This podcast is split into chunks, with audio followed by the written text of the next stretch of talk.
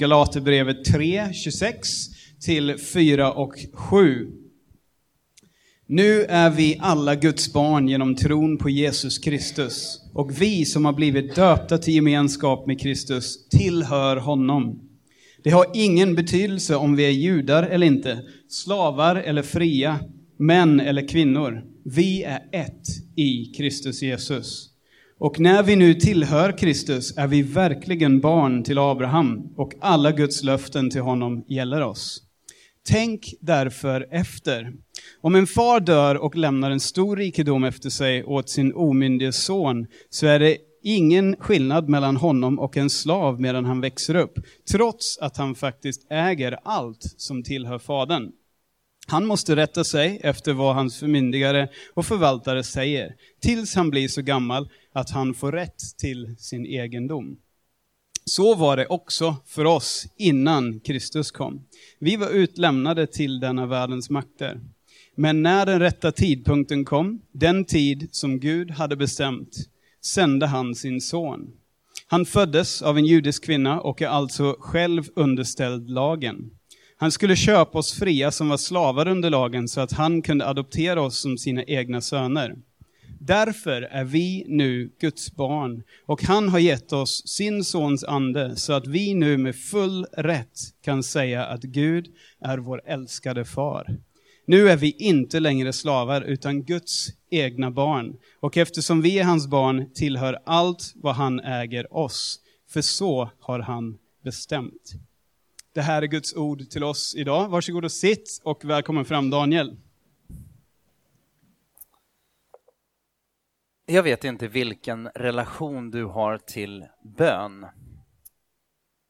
Men jag skulle nog ändå säga att bön är tämligen universellt gällande för alla. Och det var någon studie som gjordes bland en massa ja, människor, eh, både här i Europa och i USA, där man ställde en massa frågor om tro. Och många som sa, 30 procent tror jag, av de som sa att de var ateister, eh, vände sig ändå till något, någon, i bön någon gång under, under livet och det fanns ändå med. Och som sagt, vilken relation du och jag än har till, till bön så kommer jag att prata till, till dig och till, till oss så som att ja, men, vi är ändå hungriga på att lära känna ännu mer vad, vad bön var tänkt att vara. Vi går in i en ny serie. Vi har haft en serie om tro, tro på Gud och vad tro är och även vad tro kanske inte är. Eh, och som en naturlig, väldigt naturlig liksom påföljd efter man har talat om tro så, så kommer ju ändå det här med bön och vi hörde Caleb och Edvin som, som läste Vår Fader och jag läser den kort igen. Vår Fader, du som är i himlen. Låt ditt namn bli helgat. Låt ditt rike komma. Låt din vilja ske på jorden så som i himlen. Ge oss idag det bröd vi behöver och förlåt oss våra skulder, liksom vi förlåter dem som står i skuld till oss. Och utsätt oss inte för prövning, utan rädda oss från det onda. Ditt är riket, din är makten och äran i evighet. Amen. Amen. Bra sätt att inleda en predikan och även en, en, en ny serie. Och eh, som troende, om man nu har liksom har någon slags övertygelse i sitt hjärta om att ja, men det här med, med Gud och, och Jesus och jag, jag, jag, jag ämnar, jag vill följa.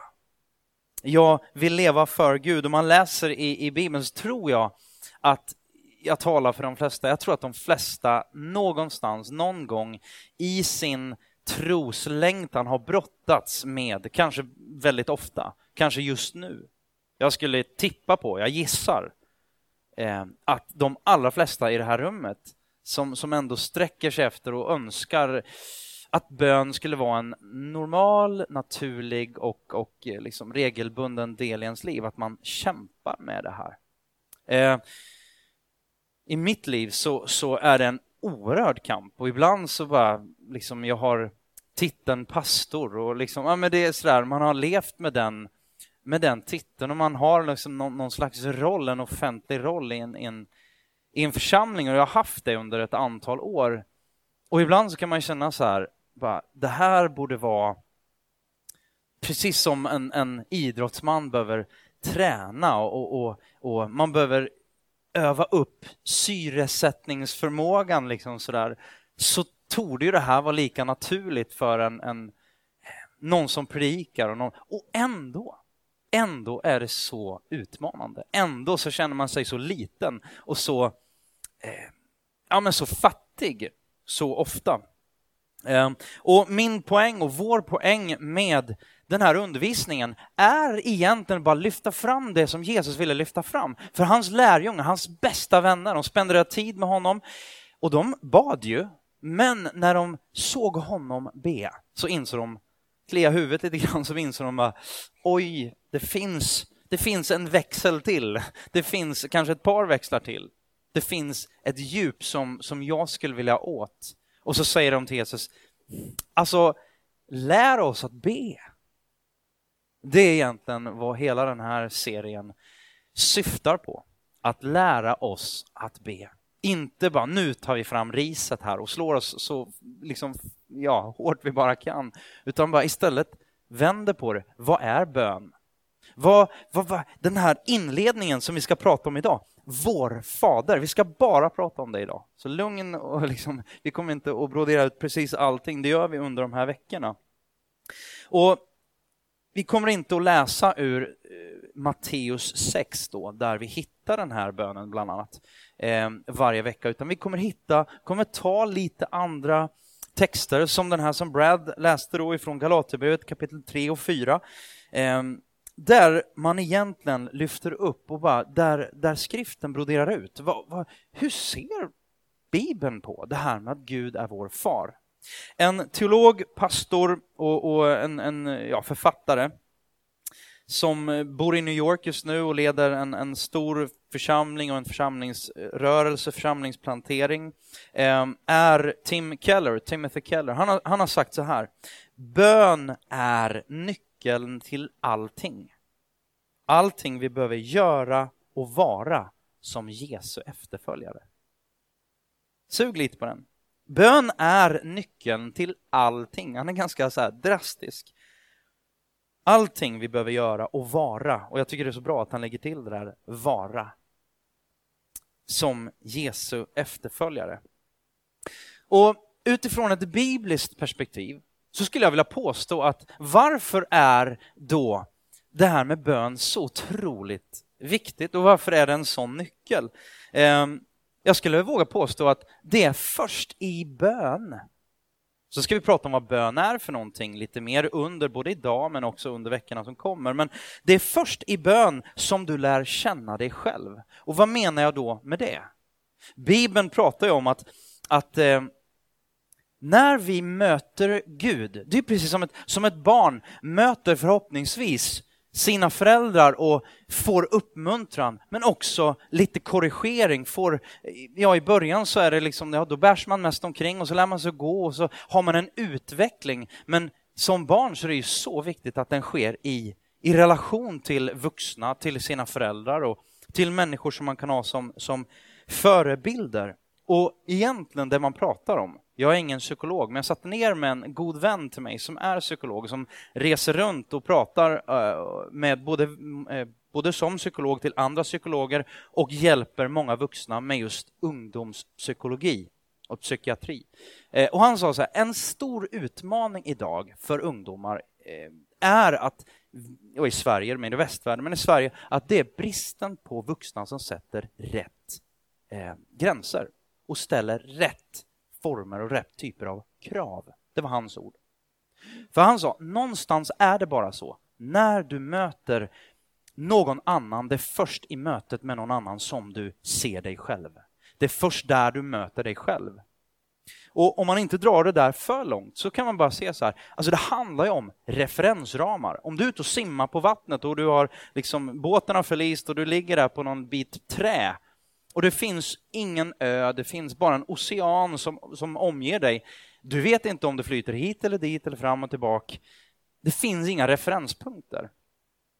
Och Bibeln menar liksom på det sättet en lång liksom, förkortning av en lång eh, sanning. Någonstans handlar det om att det är Gud som ger de här referensramarna. Och det är bara i referensen och jämförelse på ett sätt då med Gud, där vi ser vår, både vår litenhet men också vår storhet i Gud. Eh, du kanske känner till saker om Gud, fakta om Gud, men det är inte förrän du samtalar med honom i bön, kommunicerar, som du lär känna honom. Jag menar, jag kan ju vara hur imponerad av Zlatan som helst, men jag har aldrig träffat karln. Och om jag skulle ha träffat honom så kanske jag ber om hans autograf. Det gör jag ju inte till min son naturligtvis. Inte till, nej, jag ska bara. Självklart är det så att jag inte lär känna honom. Han, eh, Zlatan, han har hur mycket fans som helst som har hans bild på sitt pojkrum eller flickrum och liksom vad det nu är för någonting. Men det är nog inte så många som verkligen känner honom. Frågan är, jag kan kunna väldigt mycket om Gud, men det är inte frågan. Frågan är om jag känner Gud. Augustinus, en kyrkofader, en gammal, eh, för länge sedan, ja, gammal, ja, han är ju död nu, men, menar, eh, på 350-talet föddes han och, och i slutet av 300-talet så, så säger han så här. What really shapes you the most? Han pratar inte engelska, men jag fick citatet på engelska, så jag läser det på engelska om det är okej. Okay. What really shapes you the most is not primarily what you believe, but what you love. Någonstans så handlar det inte bara om vad du rent teoretiskt förstår och tror, utan vad älskar du? Han går ännu längre och han pratar om vad är det som driver dig? Vad är du passionerad över? Det kommer att forma dig. Det du är passionerad över, det kommer att leda dig. Så det hjälper alltså inte om man vill se en förändring i mig i, i djupet, inte bara att, att, jag ska sluta och säga ett visst ord, eller, utan en verklig förändring på insidan, så, så menar Augustinus, och jag tror att han har rätt, att det inte hjälper bara att fokusera på att ändra den teoretiska liksom, tron och teologin kring någonting, utan du behöver se över och du behöver byta objekt i vad du sätter in passion, vad du älskar, vad du tillber, det du njuter av. Och det händer bara genom bön. Om man läser Saltaren, det finns ju en massa eh, det här med bön är så otroligt centralt i den kristna tron. Ehm, och det finns både i Gamla Testamentet och i Nya Testamentet. Om man hårdrar det, den undervisning som kommer om bön och här, hur ska vi be? Ja, då kommer ju Jesu ord då. Det Nya Testamentet handlar egentligen om, eller, eller ger svaret genom just Herrens bön. Så här ber man. Man ber inte bara de orden, utan man ber det med djup och man förstår mer och mer vad det innebär för någonting. Eh, men även Gamla Testamentet berättar väldigt tydligt så här, hur, hur ber man? Ger exempel. Vi har en hel bok dedikerad till det som heter Saltaren, böner och lovsånger till Gud. Och tittar man i Saltaren eh, hur man bemöter lidande, sorg, förlust, ondska, ekonomiska utmaningar, otrohet, brustna relationer, svåra sjukdomar etc. etc. För det tillhör ju livet för alla människor.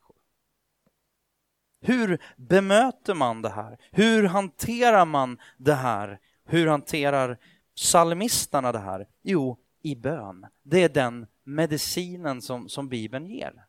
Det låter liksom så här, ja men självklart, och vi, jag ska inte spendera mer tid och, och, och försöka övertyga dig om att bön är viktigt, utan bara, bara lyfta fram det. För jag tror att om man vill lära känna Gud, om man söker vara en Jesu Kristi efterföljare, då tror jag att bön förmodligen, någonstans vet jag och jag tänker att ja, men det är nog viktigt. Jonathan Edwards, ehm, en, en gammal predikant, eh, han sa så här, bön är lika naturligt för trons uttryck som andning är livets. Ehm, Sandra Bullock vår kära skådespelerska i filmen Gravity. Är det någon som har sett den? Det är väl inte liksom så här jättenödvändigt om du inte har sett den att se den, men den ja, kan vara lite kul sådär. Men i alla fall så, där i slutet eh, av vad hon tror är hennes liv. Hon spelar en astronaut som blir liksom kvarlämnad i rymden och så mitt i allt det där och hon tror att nu är det ute med mig så säger hon de här orden liksom bara jag har aldrig bett, för hon tror att hon ska dö. Jag har aldrig bett. För ingen har någonsin lärt mig att be. Det är lite intressant och det är ju Americaners, va? De kör ju liksom den, den, den stilen och jag tycker den är grymt skön många gånger. Eh, men frågan är, är det sant? För sannolikheten att, även om det inte var Sandra Bullock som sa orden utan den här karaktären då, så är, så är förmodligen en, en person i, i, i, i USA, men även alltså, någonstans har man säkerligen hört vår fader, eller Herrens bön som den kallas då. Eh, problemet är nog inte att vi inte har hört den. Problemet är ju att vi kanske inte riktigt förstår om vi börjar här. Det kan ju låta lite så här. Vår fader, du som är i himlen. Och så stannar det där, så blir det högtravat, det flyger över huvudet, det tränger inte ner på djupet och det blir inte en verklighet i mitt hjärta.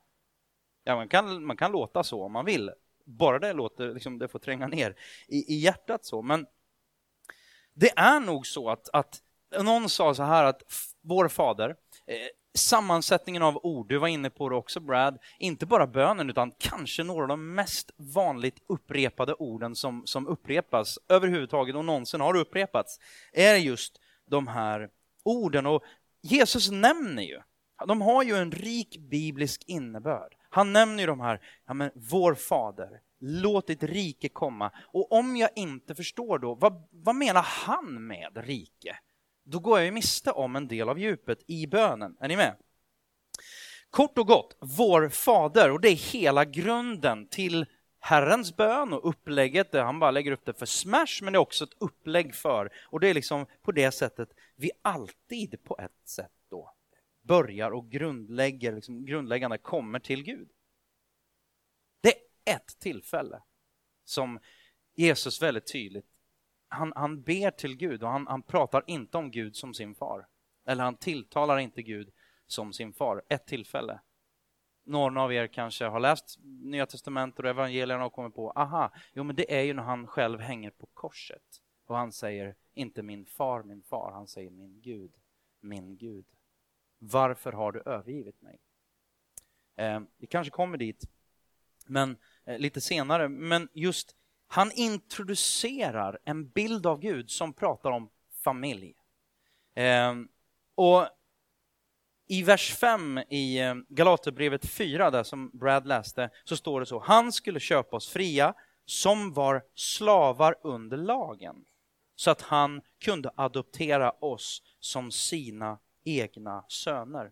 Den första punkten jag vill lyfta upp då är adoption. Det är en Guds gåva adoption. Vi får en ny familjetillhörighet. Och jag ska faktiskt göra så att jag ska inte prata så mycket om adoption själv, utan jag ska bara ställa några väl eh, förhoppningsvis frågor till Simon. Välkommen Simon! Ge Simon Sjöholm en stor applåd.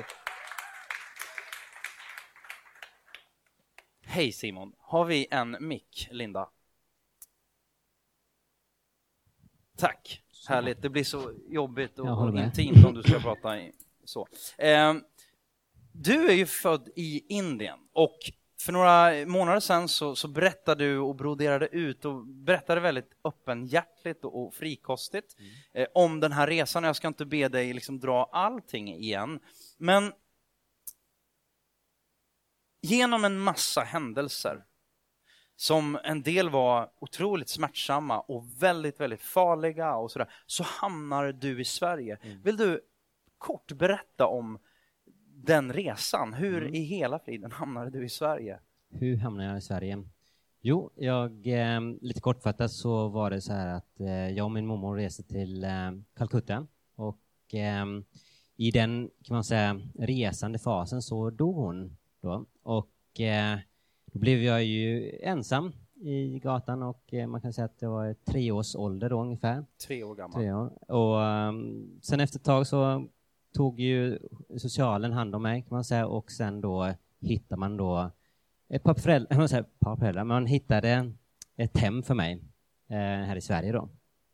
Hur länge gick det från, för det var på en tågresa som ni Ja. hoppade av tåget Mm. och din farmor då, Mm. hon, hon dog och så blev du ensam kvar. Hur länge dröjde det från att du, du var där ensam Mm.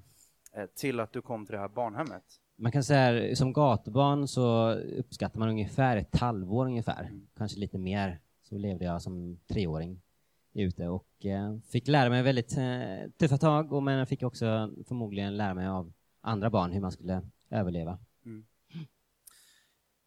Du har ju hamnat här Mm. i Sverige och hem är ju liksom hos Gullan och Bengt.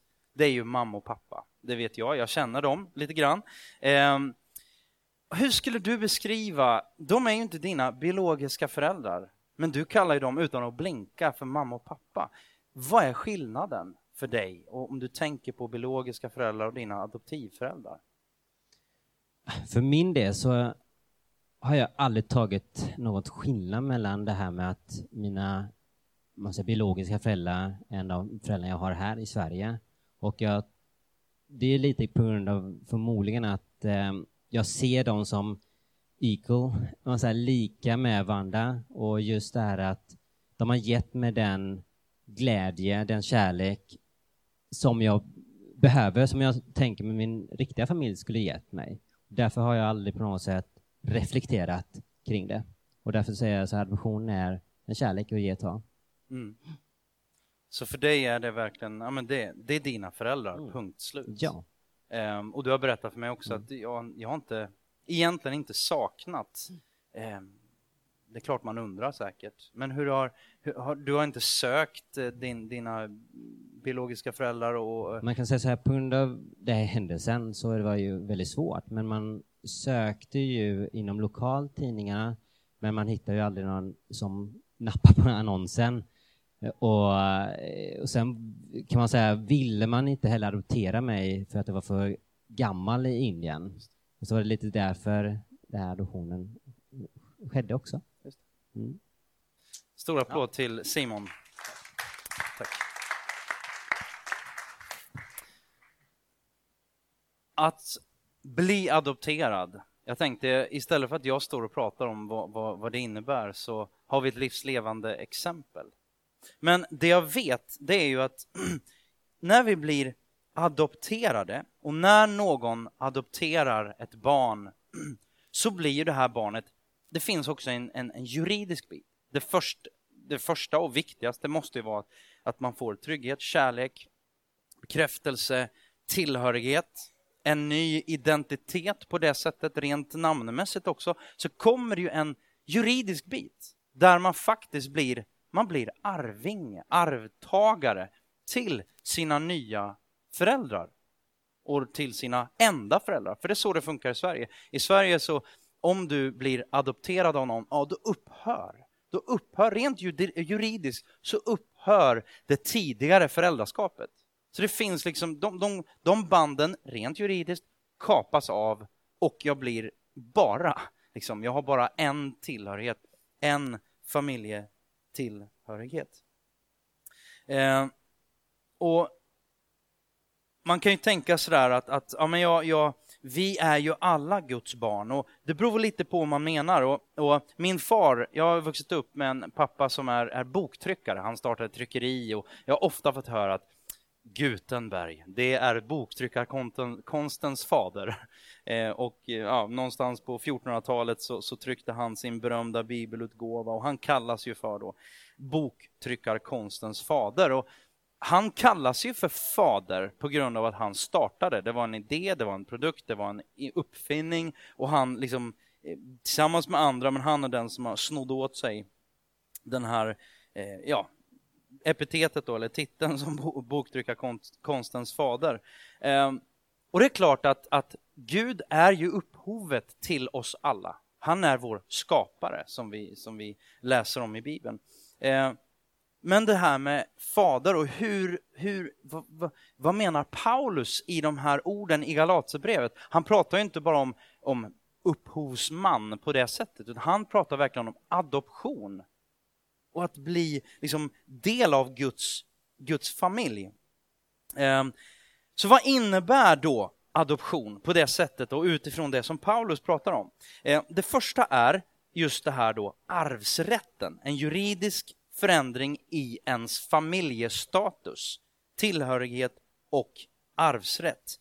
Ehm, vi säger, är det någon som har en längtan av att bli liksom miljonär? Jag ska komma på en, en, en smartphone-app och bara bli miljonär. Nej, det var ingen. Okej. Okay. Ja, men Klara har det. Och Veronica. Ja, men det var några som ändå kände så här efter ett tag att varför inte? Ja. Och vi tänker, var, varför inte? Vi tänker att du har blivit snuskigt rik helt enkelt. Bara på liksom en, en, en, en, en, en, en app. Någon bra, grym app. Du kom på idén. Du jobbade superhårt. Du tog risker, ekonomiska risker och andra risker.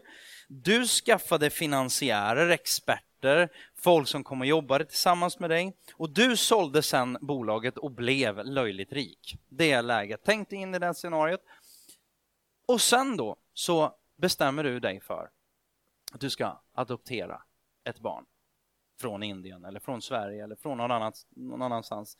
Ehm, då blir det ju, kan man säga så här, då är det ju verkligen utifrån ett ekonomiskt perspektiv, perspektiv extremt mycket bingo för det här barnet. För att det blir ju sådär, det här barnet har inte gjort någonting av det här, har inte kommit på idén, har inte jobbat hårt, har inte tagit risker, i alla fall inte för det här, eh, inte skaffat finansiärer, inte eh, gjort det här då. Men det barnet eller den personen blir ändå riktigt rik och det är egentligen vad, vad Paulus pratar om där.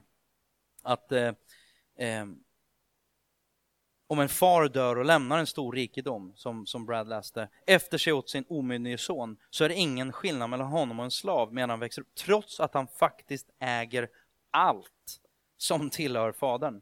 Där har du lite grann av vad, vad det innebär att, att vara en arvinge. Och Paulus han säger ju helt plötsligt, ja men vi är Guds arvingar.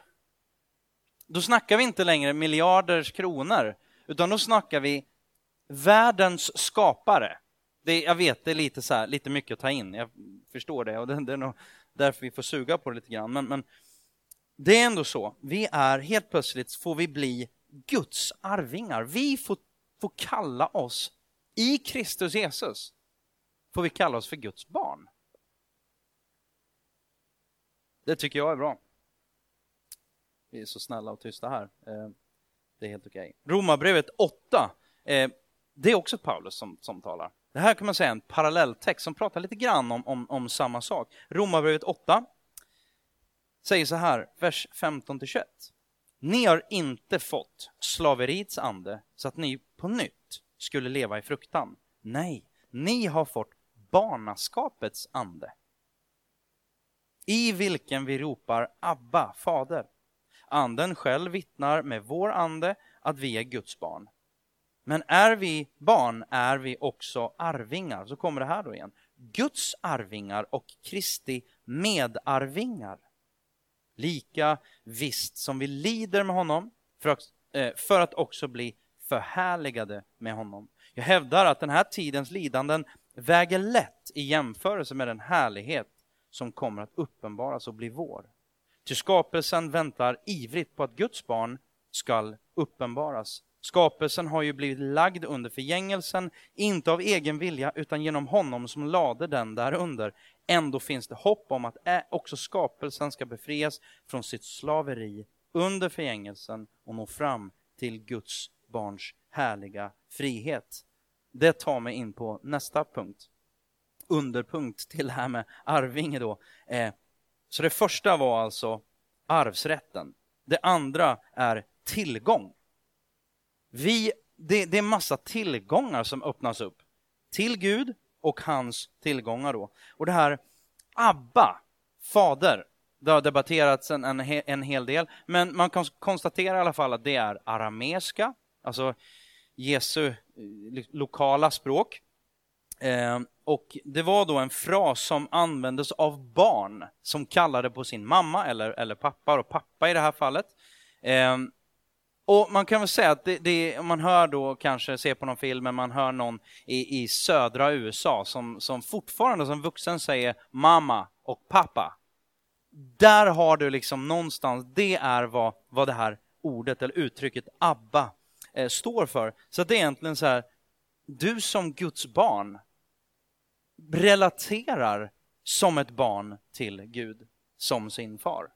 Att det finns en väldigt nära och det är inte särskilt det som framkommer där är inte den här högtravade och, och, och stel, stela relationen, utan någonting annat kommer fram. Ett barn är ju så här, när de kommer fram till sina föräldrar, det är så här, det passar jättebra nu, eller det passar riktigt dåligt just nu. Det bryr de sig tydligen inte om alls. Eller vad säger du? Lea, hon bara, ja ah, just det, mamma sitter och pratar i telefon nu. Det är inte läge att börja grina. Ja, men hon skiter ju, för, hon vet ju inte ens vad telefon är för någonting ännu. Det kommer hon snart lära sig och veta bättre än vad du. Eh, liksom allting, teknik och hela. Men, eller hur? Hon bryr sig ju inte, för de relaterar ju till sina föräldrar. Eh, barn relaterar ju till, till, till mamma och pappa på ett helt Eh, naturligt och väldigt eh, opretentiöst sätt. Eh, där har du också liksom den här min pappa eller min mamma. Och eh, tydligt så är det bara så här, du har tillgång till hans kärlek. Tillgång till hans närvaro. Vad är, vad är en förälder? Närvaro, beskydd, hans lyssnande öra, hans omsorg, hans tillgångar. Och du har tillgång till det här för evigt och helt ovillkorligt. Det är bra, någon, någon tyckte det var bra. Jag tycker det är väldigt bra. Eh, är det någon som har talat om uttrycket Jenkins ear? Nej, jag trodde inte det. Det hade inte jag heller. Eh, innan i alla fall. Någon kanske hade det. Eh, det var i alla fall ett brittiskt skepp då som blev attackerat av ett spanskt skepp för ett herrans massa år sedan. Och egentligen var väl lite piracy rakt av sådär. Eh, och de tog till, till fånga den brittiske sjökaptenen Jenkins. Eh, och där i fångenskapen så skar de av hans öra och så författade de ett brev till parlamentet, det brittiska parlamentet och bara liksom, ja, tryckte, tryckte till dem och visade, tyckte de då, vart skåpet skulle stå. Och så lästes det här brevet upp i parlamentet och jänkens öra visades som låg i någon slags whiskyblandning där för att liksom hålla formen på något sätt väldigt äckligt och gross. Eh, sådär. Men vad var det som hände? Jo, det brittiska imperiet, de är ju ändå imperialister. Så de bara, det här, this is an act of war. Ehm, nu blir det krig. Och därefter drog de, de förklarade krig mot Spanien. Man kan säga på grund av det här örat. Men det var ju inte på grund av bara örat, utan grejen var ju så här, if you mess with liksom a citizen of the crown, om du, om du, om du eh, Ja men helt enkelt, om det är någon som du, du bråkar med, kronans medborgare, så attackerar du inte och bråkar du inte bara med den personen, utan du bråkar med kronan. Och det är ju lite så. Gud säger så här, jag är din far. If you mess with him, you mess with me. Det är lite så Al Capone känner jag. Jag känner liksom lite så Gudfadern där, mitt i alltihop. Och liksom man, man sluter upp kring varandra och Gud, på riktigt, säger jag sluter upp.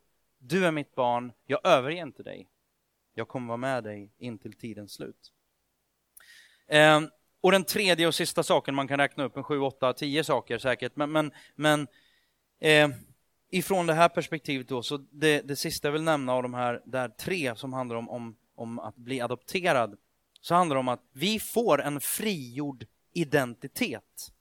Eh, Paulus säger det, vi är inte längre slavar, utan vi är fria. Eh, när vi läser från vers 4 då, kapitel, kapitel 4 av Galaterbrevet igen.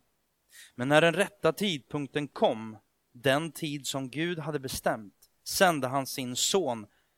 Han föddes av en judisk kvinna och alltså ställd under laget. Han skulle köpa oss fria, som var slavar under lagen, så att han kunde adoptera oss som sina egna söner.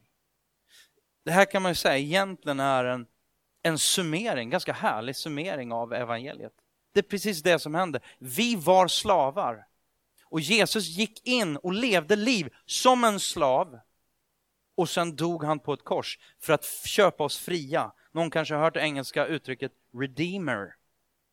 han friköpte helt enkelt och förlöste, förlossade eh, oss. Och, han, och vi gick från slaveri till barnaskap och man kan prata jättemycket mer om det här. Men vi målar upp en bild där vi har en relation till Gud, till Gud skaparen. Eh, alla hans rikedomar. Jag läste på, eh, ja det var någon sajt som, som berättade om, om de 10 eller 12 rikaste kvinnorna i jorden och, och nu kommer jag inte ihåg vad hon heter, men Steve Jobs hustru, eh, eller änka, hon ligger på nummer, plats nummer sex av rikaste kvinnor i världen. Och hon blev inte adopterad, men hon gifte sig med, med Steve Jobs och eh, tillsammans har de eh, fått den här förmögenheten. Men deras barn har ju, ja, rent ekonomiskt i alla fall, sin, sin framtid hyfsat tryggad om man får, får se till, till läget just nu.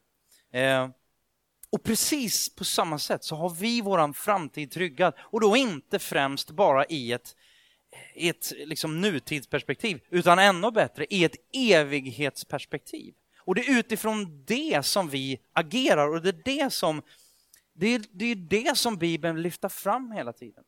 Att vi agerar liksom inte utifrån ett underläge utan utifrån en, en frihet. Inte ett överläge där vi står och tittar ner på, på någon annan eller på skapelsen eller vad det nu kan vara. Utan vi betjänar, men det är fortfarande utifrån matchen är vunnen. Alla mål har inte gått in, men vi har redan vunnit matchen. Det är mitt läge.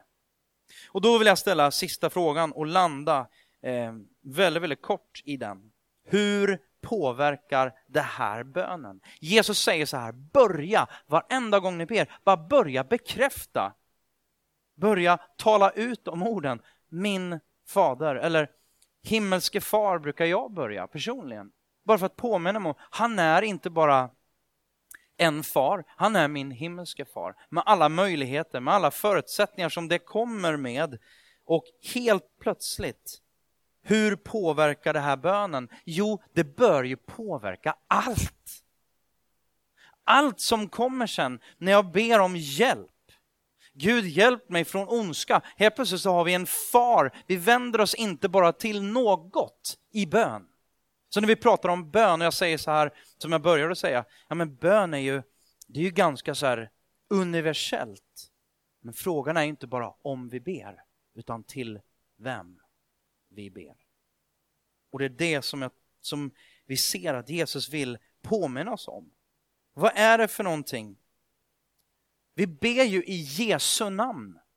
Vi ber till Gud Fadern. Varför ber vi i Jesu namn? Jag tror att det handlar inte om att Gud behöver det, men du och jag behöver nog bara, vi behöver bara påminna oss själva om att vi är ättlingar, vi är eh, eh ja, arv, arvingar till Gud. Och vi är bröder, säger Jesus. Jag kallar inte längre er för tjänare eller någonting annat, utan jag kallar er för bröder. Och det stärker ju Paulus också. Vi är medarvingar till Jesus själv. Så när du ber och du tvivlar lite grann, ja men hur har det gått för mig? Hur duktig jag har varit nu? Kommer Gud verkligen lyssna på mig? Om du börjar be i Jesu namn istället för ditt namn, då kan du vara trygg i att Gud kommer höra dig. Därför du är medarvinge med Jesus Kristus. Och helt plötsligt så har du en oändlig tillgång, oändlig, oändlig eh, liksom källa där du kan vara trygg. Du kan vara ödmjuk. Jag tror att det är fel att bara liksom komma inför Gud och vara lite stroppig och full av sig själv och bara Gud, du ska ge mig det här och det här och det här och det här.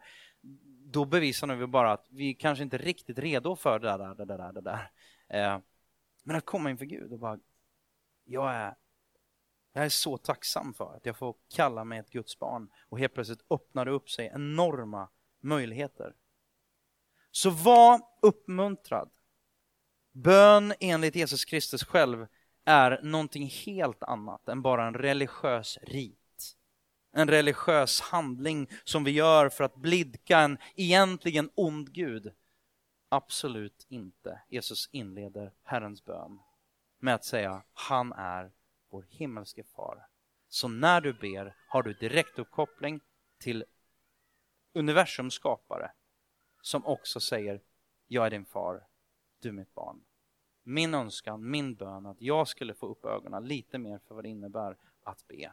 Lite mindre konstlad press och att vi skulle alla vilja komma till Gud, prata med Gud och be till Gud.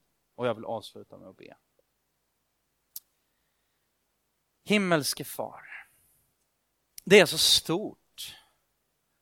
Å ena sidan så enkelt, å andra sidan så svårt för oss att inse och ta till oss det här oändligt stora där du börjar beskriva dig själv och jag har knappt, knappt, knappt hunnit skrapa på ytan idag.